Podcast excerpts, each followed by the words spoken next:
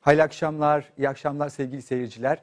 Profesör Doktor Mehmet Okyan hocamızla beraber sunduğumuz Bir Kur'an'ı Söyledikleri programıyla tekrardan karşınızdayız. Bugün konuğumuz tekrardan bizi kırmayıp gelen doçent doktor Emre Dorman hocam. Hocam hoş geldiniz. Hoş bulduk. Ee, benim için büyük bir keyif sizlerle olmak. Allah'ın vahyini konuşmak gerçekten çok büyük bir zevk. O yüzden ben teşekkür ediyorum davetiniz için. Onur dedik hocam. Hocam sizle beraber yaptığımız programlarda e, kendini kandırmanın kırk yolunu konuştuk. Allah'a öğretilen dini konuştuk.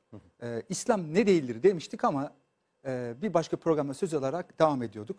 İnsanlık dini İslam ile anlatılmak istenen nedir diye bir konuşma bir soruyla girelim hocam. Evet. İnsanlık dini İslam'la anlatılmak istenen nedir?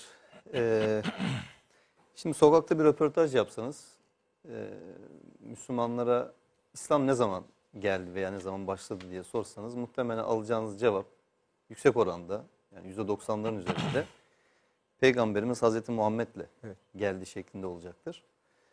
Halbuki Kur'an-ı Kerim'e baktığımız zaman e, insan var oldu olalı yani insan dediğimiz bu varlıktaki varlık sahasına çıktığı andan itibaren Allah ile bir iletişim olduğunu görüyoruz. Allah insanlar arasından seçtiği bir elçi vasıtasıyla mesajlarını insanlığa hep e, ilete gelmiştir bu zamana kadar. Ta ki Hazreti Peygamberle Kur'an vahyi e, tamamlanana kadar. Dolayısıyla Hazreti Adem'den Hazreti Peygamber'e kadar aslında gelen bütün bütün nebi ve resullerin beraberlerinde getirdikleri ortak inanç sisteminin Senin- adının İslam olduğunu görüyoruz. Şimdi bu neden önemli? Ee, mesela Auguste Comte gibi ya da Freud gibi bir takım düşünürler tarihte neyi iddia ettiler, neyi savundular? Mesela pozitivizm işte Comte'la beraber neyi savundu? Dediler ki insan bir takım doğa olaylarından kaynaklı korkularını yenmek, gidermek için Tanrı düşüncesini uydurdu. Uydurdu. Ve beraberinde din inancını uydurdu. Aslında bu Tanrı inancı da, din inancı da sonradan ortaya çıkmış bir şeydir. Ama Kur'an-ı Kerim baktığımız zaman aslında insanın yaratılıp başıboş bırakılmadığını, eee, insana doğru yolda rehberlik edildiğini ve aynı zamanda tek bir kaynaktan, aynı kaynaktan Allah katından gelen ama farklı zaman dilimlerinde farklı elçiler vasıtasıyla insanlığa iletilen ortak bir mesaj olduğunu görüyoruz Kur'an-ı Kerim'in hareketle. Bu anlamda aslında tek bir din vardır. O tek dinin adı da hani Allah katında din İslam'dır ayetinin açılımı olarak o tek dinin adı da İslam'dır. Farklı dinler yoktur aslında. Ee, farklı zaman dilimlerinde farklı bölgelere gelmiş Nebi ve Resullerin tebliğ ettikleri ortak bir mesaj vardı. Bunların hukuki düzenlemelerinde bir takım farklılıkları olabilir. ibadetlerin şekli vesaireyle ilgili belki ama Kur'an-ı Kerim'den mesela işte namaz gibi, oruç gibi ibadetlerin daha önceki e, ümmetler de zaten farz kılındığını çok açık bir şekilde görebiliyoruz. Bu açıdan düşündüğümüzde e, İslam'ın insanlık tarihi kadar eski olduğunu Eski, evet. e, ifade etmeye çalışıyor aslında insanlık dini İslam e, ifadesi. Bunu mesela e, Kur'an-ı Kerim'de mesela Şura suresinin 13. ayeti bununla ilgili bir örnek verilebilecek ayet. Diyor ki Allah dini ayakta tutun ve onda ayrılığa düşmeyin diye Nuh'a tavsiye ettiğini, sana vahyettiğimizi, İbrahim'e, Musa'ya ve İsa'ya tavsiye ettiğimizi size de din yani yasa kıldı. Dolayısıyla eee, ya da işte Nisa suresinin 163. ayetinde de yine benzer e, ifadelerle karşılaşabiliyoruz. Dolayısıyla daha önceki Nebi ve Resullerin getirdiği e, mesajla Peygamberimizin beraberinde getirdiği mesaj öz itibariyle hep aynı. Aynı. Kur'an-ı Kerim daha önceki bütün mesajların özünü de içermesi e, açısından daha önce gelen bütün mesajları da aslında korumuş oluyor.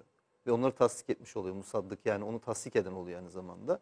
Dolayısıyla Allah'ın insanlığa son hitabı olan Kur'an-ı Kerim geçmişten Hazreti Peygamber'in e, yaşadığı döneme kadar gelen bütün Nebi ve Resullerin beraberlerine getirdikleri inancı ihtiva etmesi açısından insanlık için son çağrıdır. Dolayısıyla İslam'da insan var olduğu olalı vardır ve e, kıyamete kadar da o son saate kadar da Kur'an vahyi ekseninde var olmaya devam edecektir. Harika. Mehmet hocam. Evet.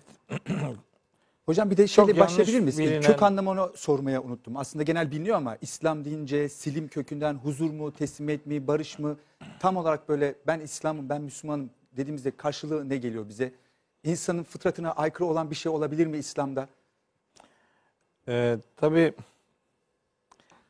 öyle bir konu- soru ki bu bunun hakkında işte böyle saatlerce konuşsak programlar boyu konuşsak yeridir. Ama Emre'nin girişte belirttiği gibi cidden şimdi böyle sokağa çıkıp sorsanız İslam'ın Hazreti Peygamberle başladığı cevabını alırsınız hemen hemen herkesten. Halbuki bazen böyle ayetlerin tercümesi yapılırken de e, böyle bir sıkıntı yaşanıyor. Mesela Allahu Teala diyor ki Allah katında din İslam'dır. Yani işte Ali İmran suresi 19. ayette inne dine indallahil İslam. Allah katında din İslam'dır.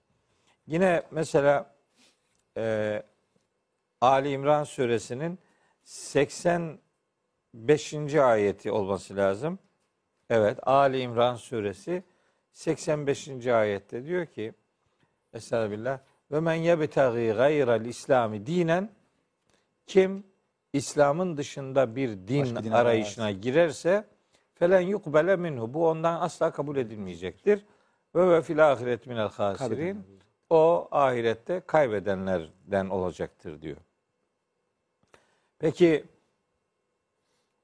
Allahü Teala bir ümmete şunu yap, öbür ümmete bunu yapma, bir ümmete şuna inan, başka bir ümmete buna inanma gibi birbiriyle çelişkili ifadeler, buyruklar özellikle inanç noktasında buyruklar elbette iletmez.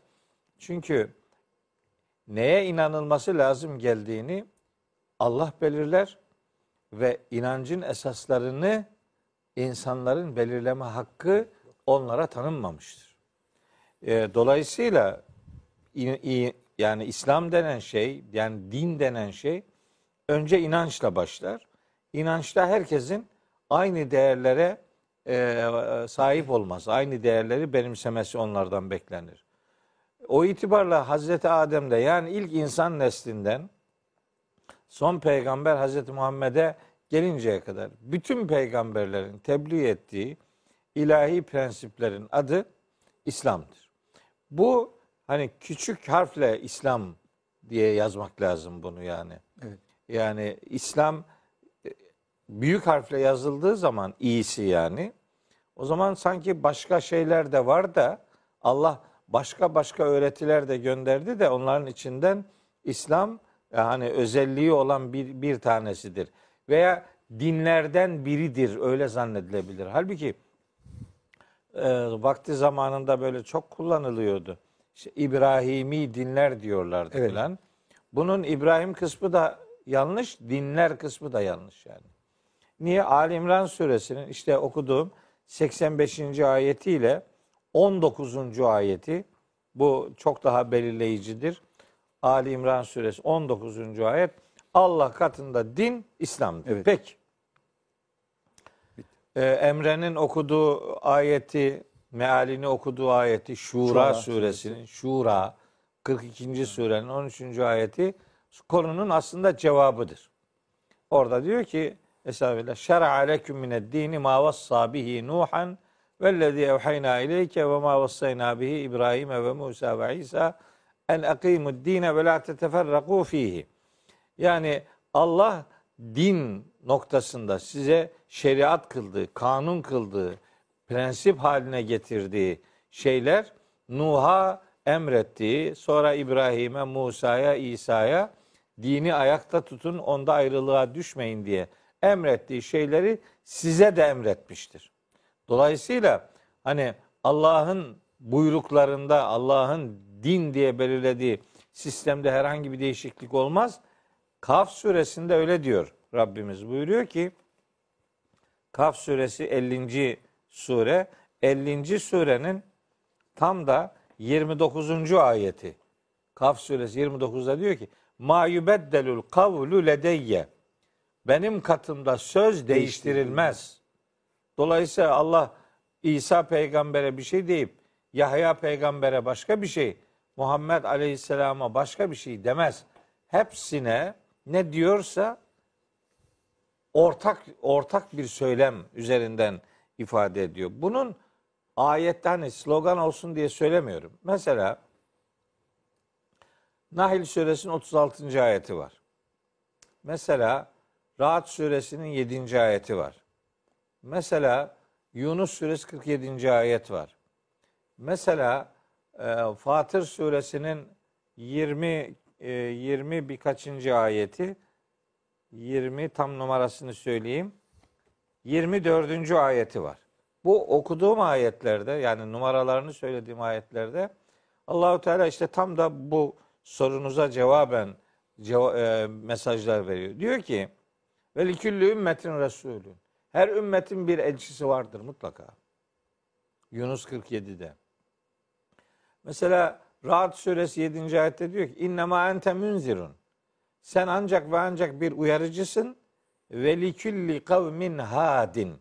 Nitekim her toplumun da bir hidayet çağrıcısı mutlaka vardır.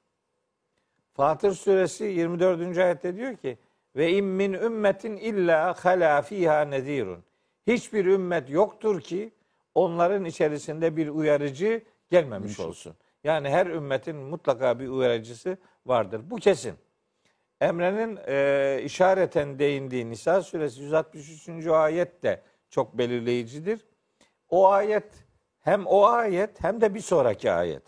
Yani 163 ve 164.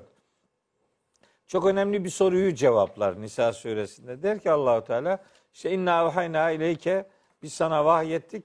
Kema evhayna ila Nuhin ve nebiyyine min ba'di. Nuh'a ve sonraki nebilere vahyettiğimiz gibi diye başlıyor. Sonra ve evhayna ila İbrahim'e ve İsmail'e ve İshak'a ve Yakub'e ve Lesbat'ı ve İsa ve Eyyub'e ve Yunus'e ve Harun'e ve Süleyman. İşte isimler sayıyor. Ve ateyna Davud'a zebura. Davud'a da zeburu vermiştik diyor. Sonra devam ediyor 164'te bir sonraki ayette.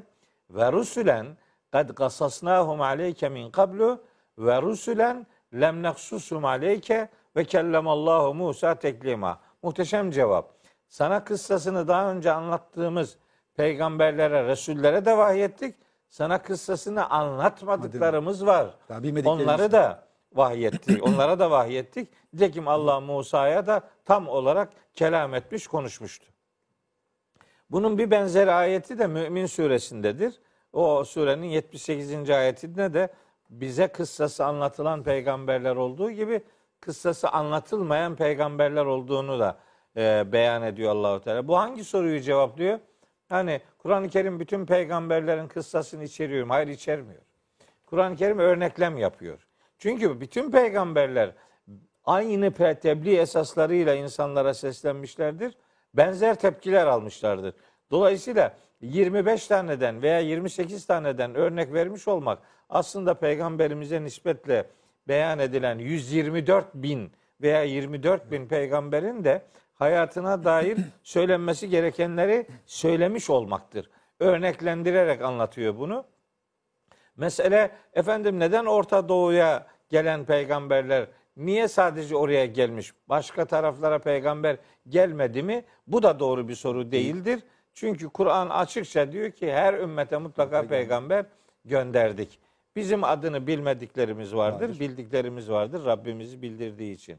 Ama düşünün ki Kur'an'da şöyle bir ayet olsaydı.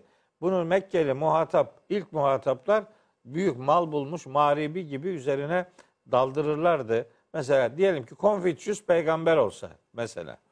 Kur'an'da da şöyle bir ayet olsa. Vezkür fil kitabı Konfüçyüs. Vezkür fil kitabı Buda. Vezkür fil kitabı işte e, Sokrat. filanca Sokrat. Bilmem bir şey dese yani. Bunlar peygamber olsa. E o zaman Mekkeli müşrikler zaten arıyorlardı Hazreti Peygamber'i yalanlamak için. Diyeceklerdi ki siz böyle bir peygamber duydunuz mu? Yok. E o zaman demek bak yalan konuşuyor, uyduruyor Biz derlerdi. atalarımızdan böyle bir şey duymadık. derlerdi. Ama Kur'an-ı Kerim'de kıssaları anlatılan peygamberlerle alakalı ayetler yuvarlak hesap 1800 civarındadır. 1830 öyle bir rakam var 35 gibi. Ee, bu, bunu şunu şunun için söylüyorum.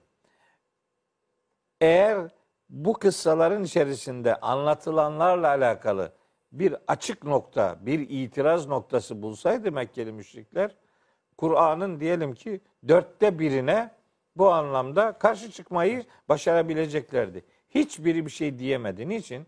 Çünkü burada anlatılan isimlerin hemen hemen hepsini biliyorlardı.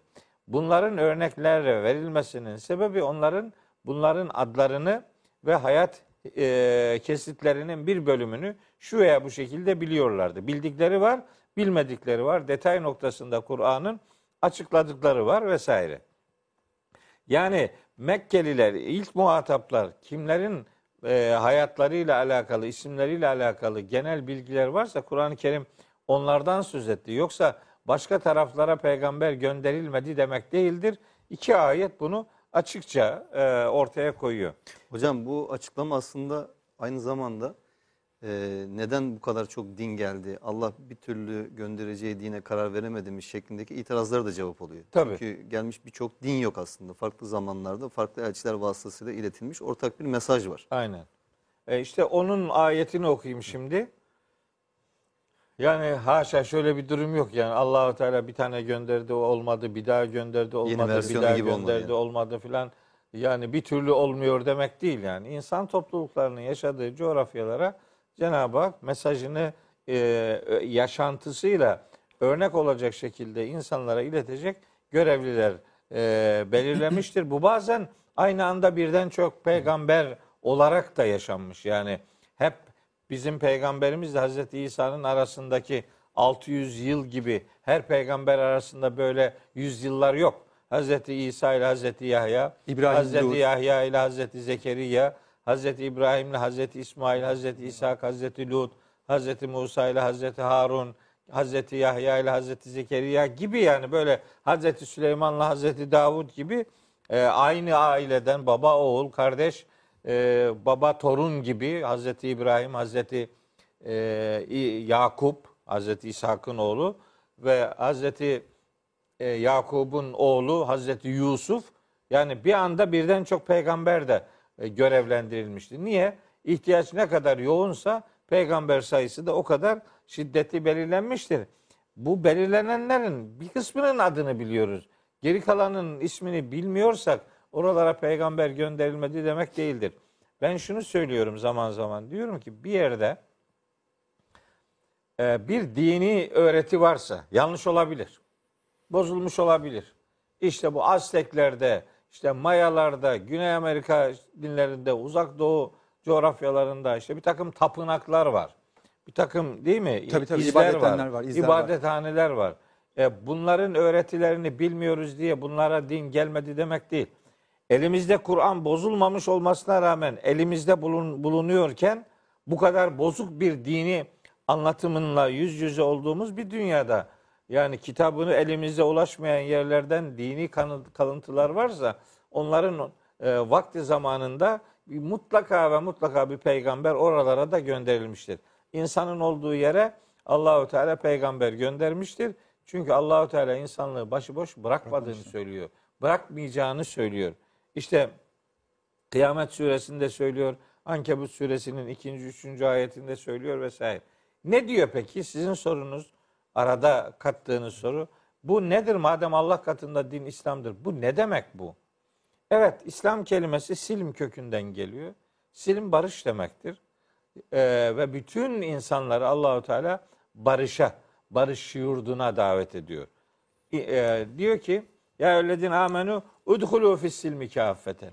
Hepiniz topluca Allah'a barışa girin. Yani barış Allah'ın dini. Selamete girin, kurtuluşa girin. Bunu Bakara suresinde söylüyor. Ee, bir ayeti kerime Bakara suresindeki ayeti kerime Bakara 208. ayet.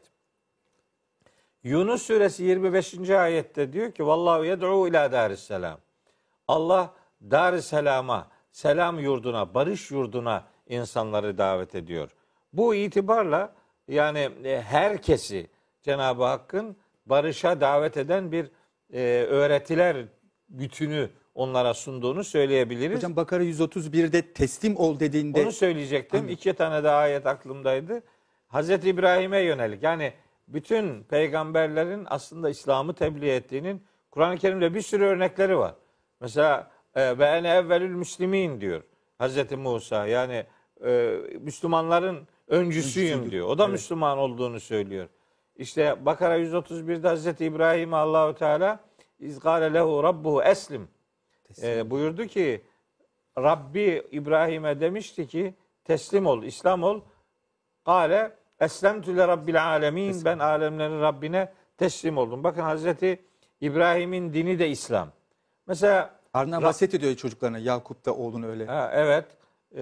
Temutunne illa ve entüm müslimun. Ondan sonraki ayette Hazreti Yakub'un sözü temutunne illa ve entüm müslimun. Ne yapıp edin? Müslümanlar olarak ölün. Aman ha başka bir şekilde ölmemeye özen gösterin. Sadece bu değil mesela teravih namazlarında kılarken hani e, teravih ile e, vitir arasında müezzinler bir ayet okurlar. Rabbena amennâ bima enzelte ve teba'na rasule fektübna ma şahidin. O ayette o ayetten bir önceki ayet var. Bu okudukları ayet bak Ali İmran suresinin işte 53. ayeti. 52. ayetinde havarilerin bir sözü vardır. İz kâle felemma ahassa İsa minhumul küfre kâle men ensari ilallah kâlel havariyyûne nahnu ensarullah amennâ billah. Biz Allah'a iman ettik ve şhed bi enna müslümun. Şahit ol ki biz Müslümanlarız. O Rabbena amennâ bima enzelte ve tebâne resûle e, cümlesi havarilerin cümlesidir. Şimdi bunları bu cümleyi havariler söylüyor diye te- e, teravihlerden bunu e, silip atmayalım. Bu Kur'an cümlesidir. Onların kullandığı bir ifadedir. Demek ki onların da Allah'a yönelik teslimiyetlerini biz Kur'an-ı Kerim'den öğreniyoruz. Daha çarpıcı bir ayet daha kardeşlerime e, iletmek istiyorum. Çok dikkatlerini çekeceğinden eminim. Hac suresinin 78. ayeti. Hac. Hac e, yani 22. surenin 78. ayetinde diyor ki Allahu Teala ve cahidü fillahi hakka cihadi Allah hakkında olması gerektiği gibi Ona layık, mücadele edin. gibi. Evet. Nasıl layıksa öyle yapın. Hüvectebaküm sizi o seçti ve ma ceale aleyküm fid dini min harac size dinde herhangi bir zorluk kılmadı. Şimdi ondan sonraki cümle çok önemli. Huve semmâkümül müslimîne min kablu ve fî hâdâ. O sizi daha önce de şimdi de Müslümanlar olarak isimlendirmiştir. Demek ki Müslüman olmak, Allah'a teslimiyet gösteriyor olmak, ilahi öğretilerin omurgasını oluşturmaktadır. Fussilet suresi 34. ayette çok nefis bir şey vardır. Evrensel manada herkesi içerecek şekilde. Orada der ki Allahu Teala ee, Uğur kardeşim Fussilet 41. surenin 34. ayeti çok önemli. Kardeşlerim ekrandan onu görsünler.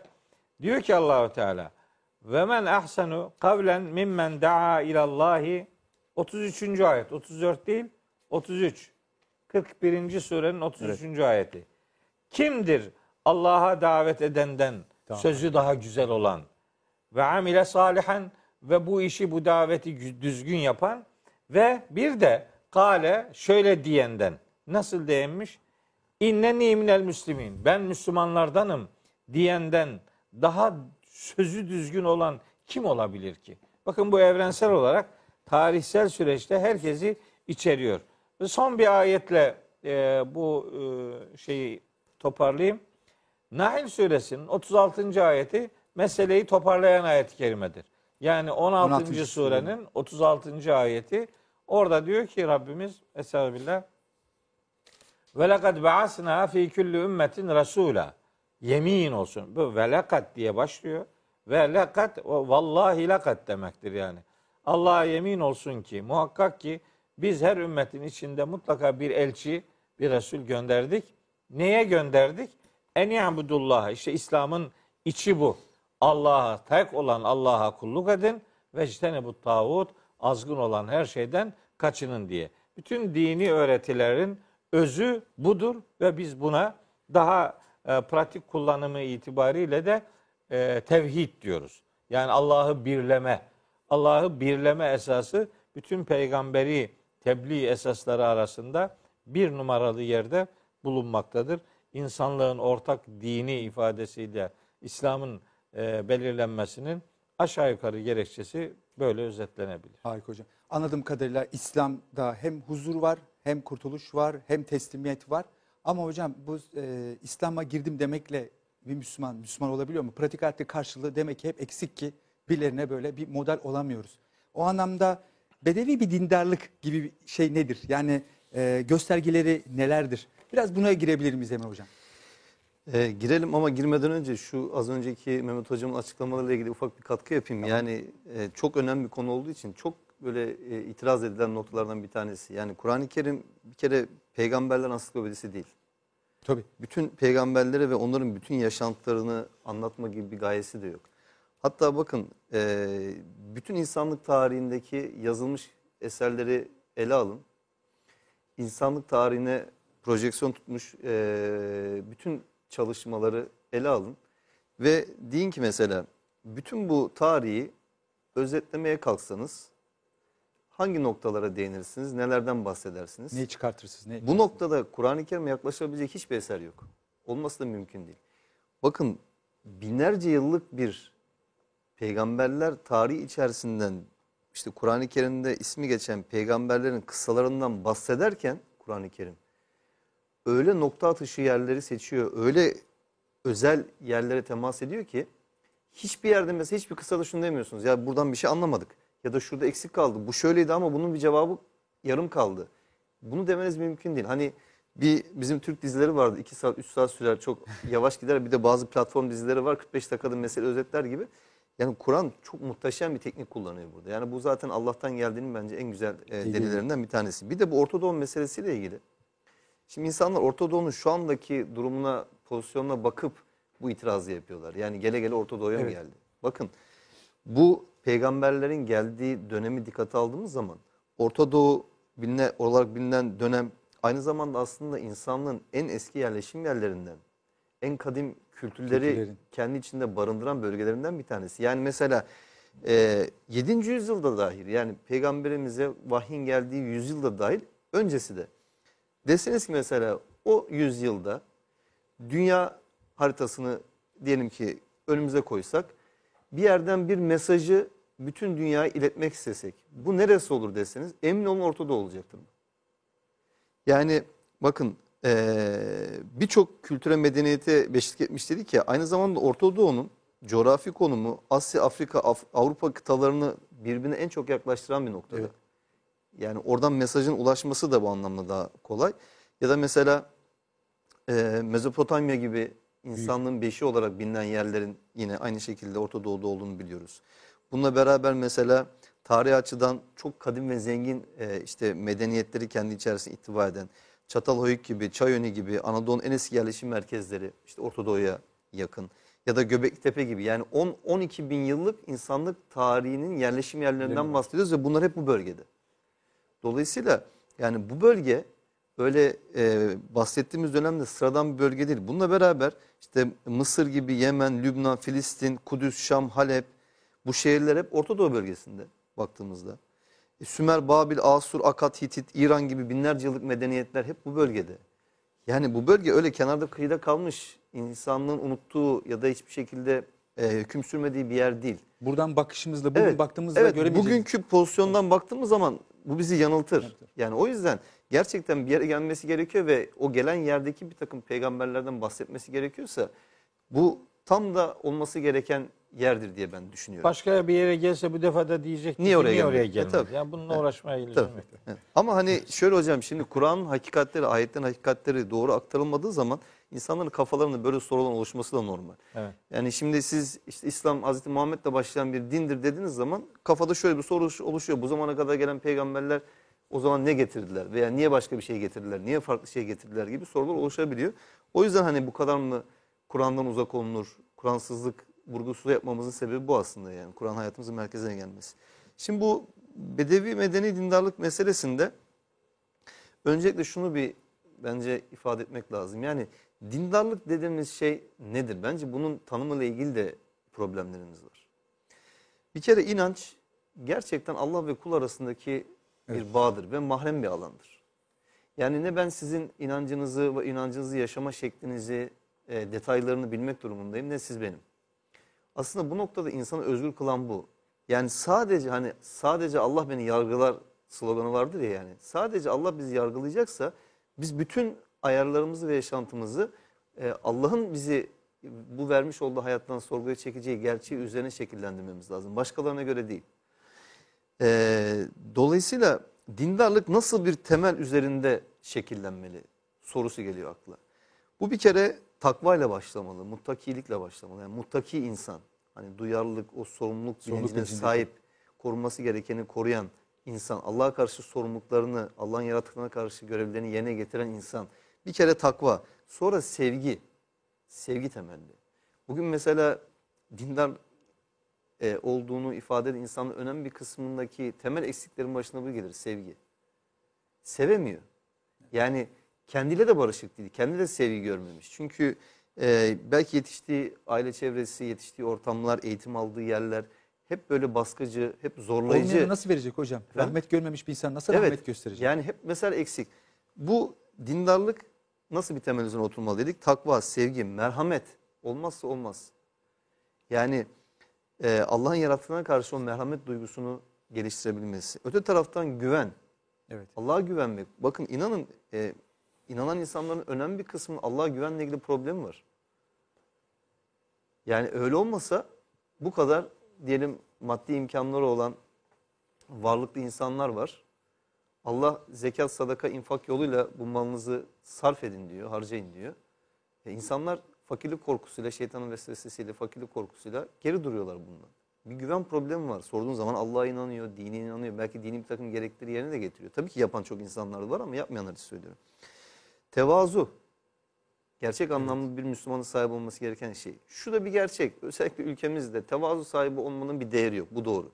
Yani mesela bir yere girdiğiniz zaman böyle çok heybetli girerseniz, etrafınızdaki insanlara böyle fırça atarsanız, insanlar bir anda böyle ya bu adamda bir şey var herhalde, çok önemli bir insan herhalde şeyine kapılıp hareketlerini ona göre düzenleyebiliyor.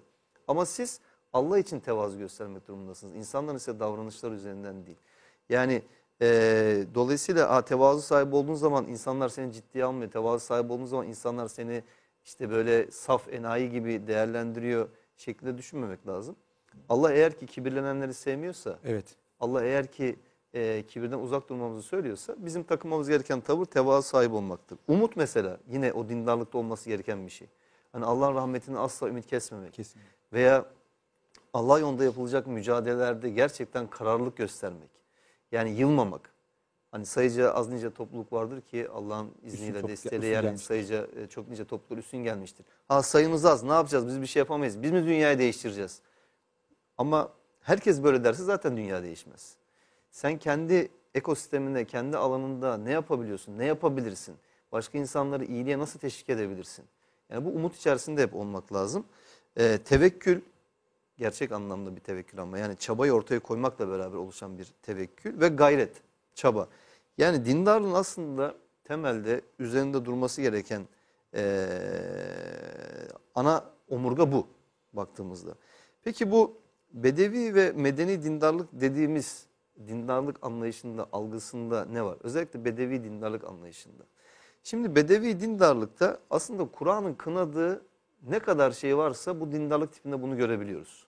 Mesela ilk aklımıza gelen şey aklını kullanmayan. Kullanmayan. Ve aynı zamanda aklı kullanmayı hor gören, küçük gören.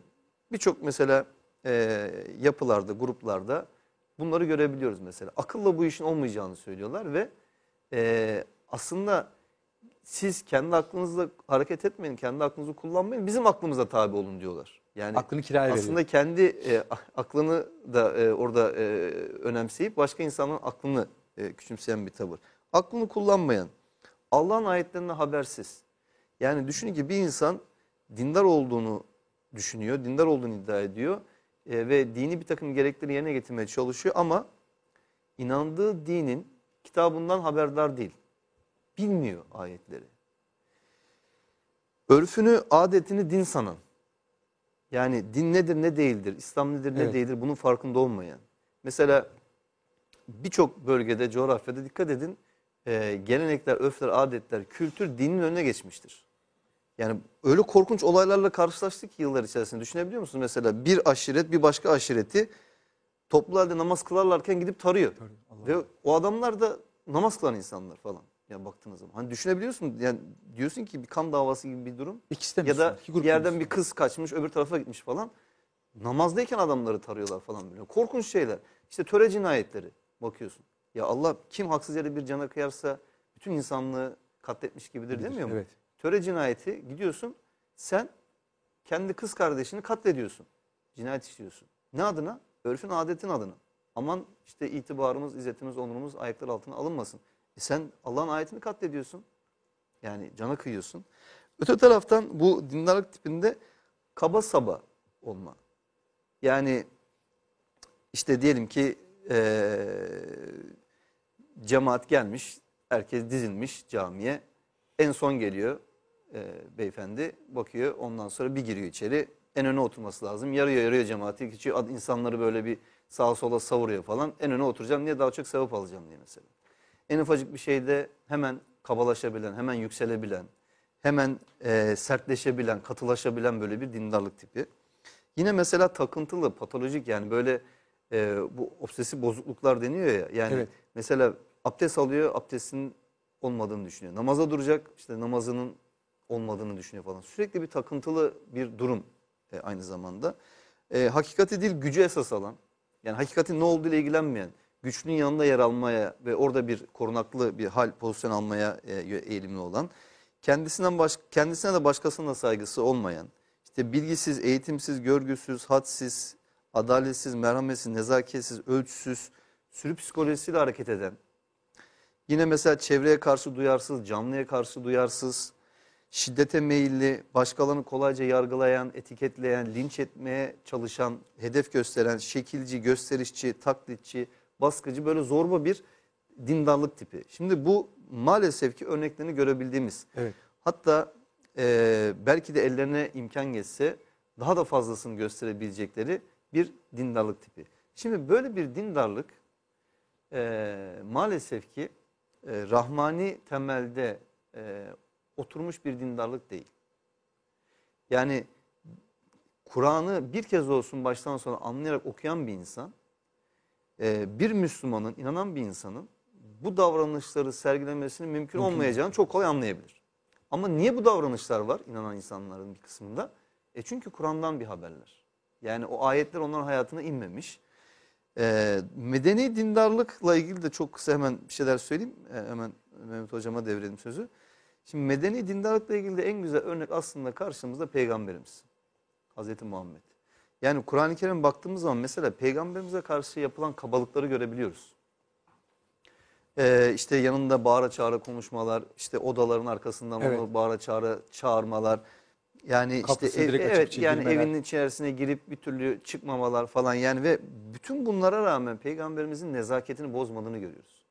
Yine mesela yani Kur'an'dan da tarihi kaynaklardan da şunu görebiliyoruz. Mesela peygamberimizin çocuklara karşı şefkatini, canlara karşı merhametini yani hayvanlara işte taşıyabileceğinden fazlasını yüklemeyin şeklinde değil mi aktarılan şeyler Evet. bize. E, doğaya karşı şefkatini, e, merhametini aynı zamanda görebiliyoruz. E, kadınların toplum içerisinde aktif bir şekilde rol almasıyla ilgili mesela insanları nasıl teşvik ettiğini görebiliyoruz. Yani e, kaba sabalıktan uzak, zirafetini, nezaketini koruyan, hani baktığın zaman hani hanginiz Muhammed söylemi var ya, Evet. baktığın zaman eğer daha önce tanımadıysan kolaylıkla ayırt edebileceğin değil. Niye? Çünkü bir padişah gibi davranmayan, Herkesten daha iyi insan. bir kral gibi giyinmeyen, lüks, şatafat, gösteriş e, sahibi olmayan, herkes gibi yaşayan, insanlar içerisinden bir insan olan ve bununla aslında yücelen, bununla yükselen ve gücü ele geçirdiği zaman o gücün zehirlenmesi e, gibi bir durumla karşı karşıya olmayan, hani Mekke'ye girdikleri zaman intikam almayan, e, söyleniyor işte mesela Hazreti Yusuf'un kardeşlerine söylediği Evet. şey bugün sizin için Bağışlama yoktur, vardır. bağışlama vardır. Hani mesela bu şekilde yaklaşan dolayısıyla hani Mehmet Hocam zaman zaman söylüyor İslam insan eksiltme dini değil insan kazanma dini diye. Yürekleri fethetmeye, gönülleri kazanmaya e, yönelik bir e, insani duruş, bir İslami duruş ortaya koyan bir dindarlık tipi. Harika hocam. Yani her türlü insan yorum, anlayış, kültür, örf, geleneğin ötesinde doğrudan sahibinden geldiği şekliyle arı, duru, saf, halis dini yaşamaya çalışan dindarlık. Yani Allah'a öğretilmeyen bir din, Allah ile aldatılmayan bir din, kitabına uydurulmayan bir din, ortakları olmayan bir din, Kur'an'a ve Resul'ün örneklerine bağlı bir din üzerine şekillenen bir dindarlığı anlıyoruz. Harika. Hocam programın sonuna geldik. Yani biliyorum bunda sen tek başına bir program yaparsan ama en azından bir iki dakikada olsa bize böyle bir kapatış babında, toparlama babında. Ev ödevi bağımında ayetlerde verebilirsiniz hocam. Evet yani tabi bedevi medeni kelimeleri üzerinden konuşulacaksa e, konuşacak onlarca ayet-i kerime var elbette. Belki sırayla hepsini saymak, hepsine detay vermek buna imkanımız olmayabilir. Ben daha önce bir programda ifade etmiştim. Bu vesileyle, bu soru vesilesiyle de bunu tam karşılayacağını düşündüğüm bir şey söyleyeyim kardeşlerime.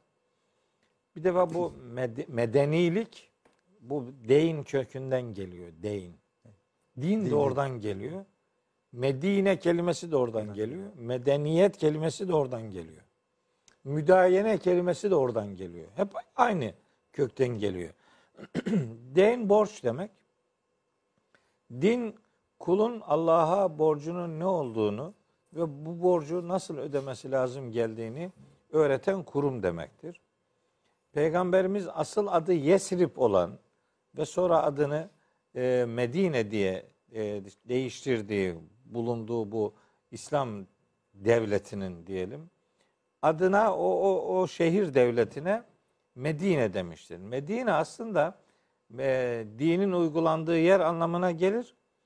Aynı zamanda medeniyetin üretildiği yer anlamına da gelir.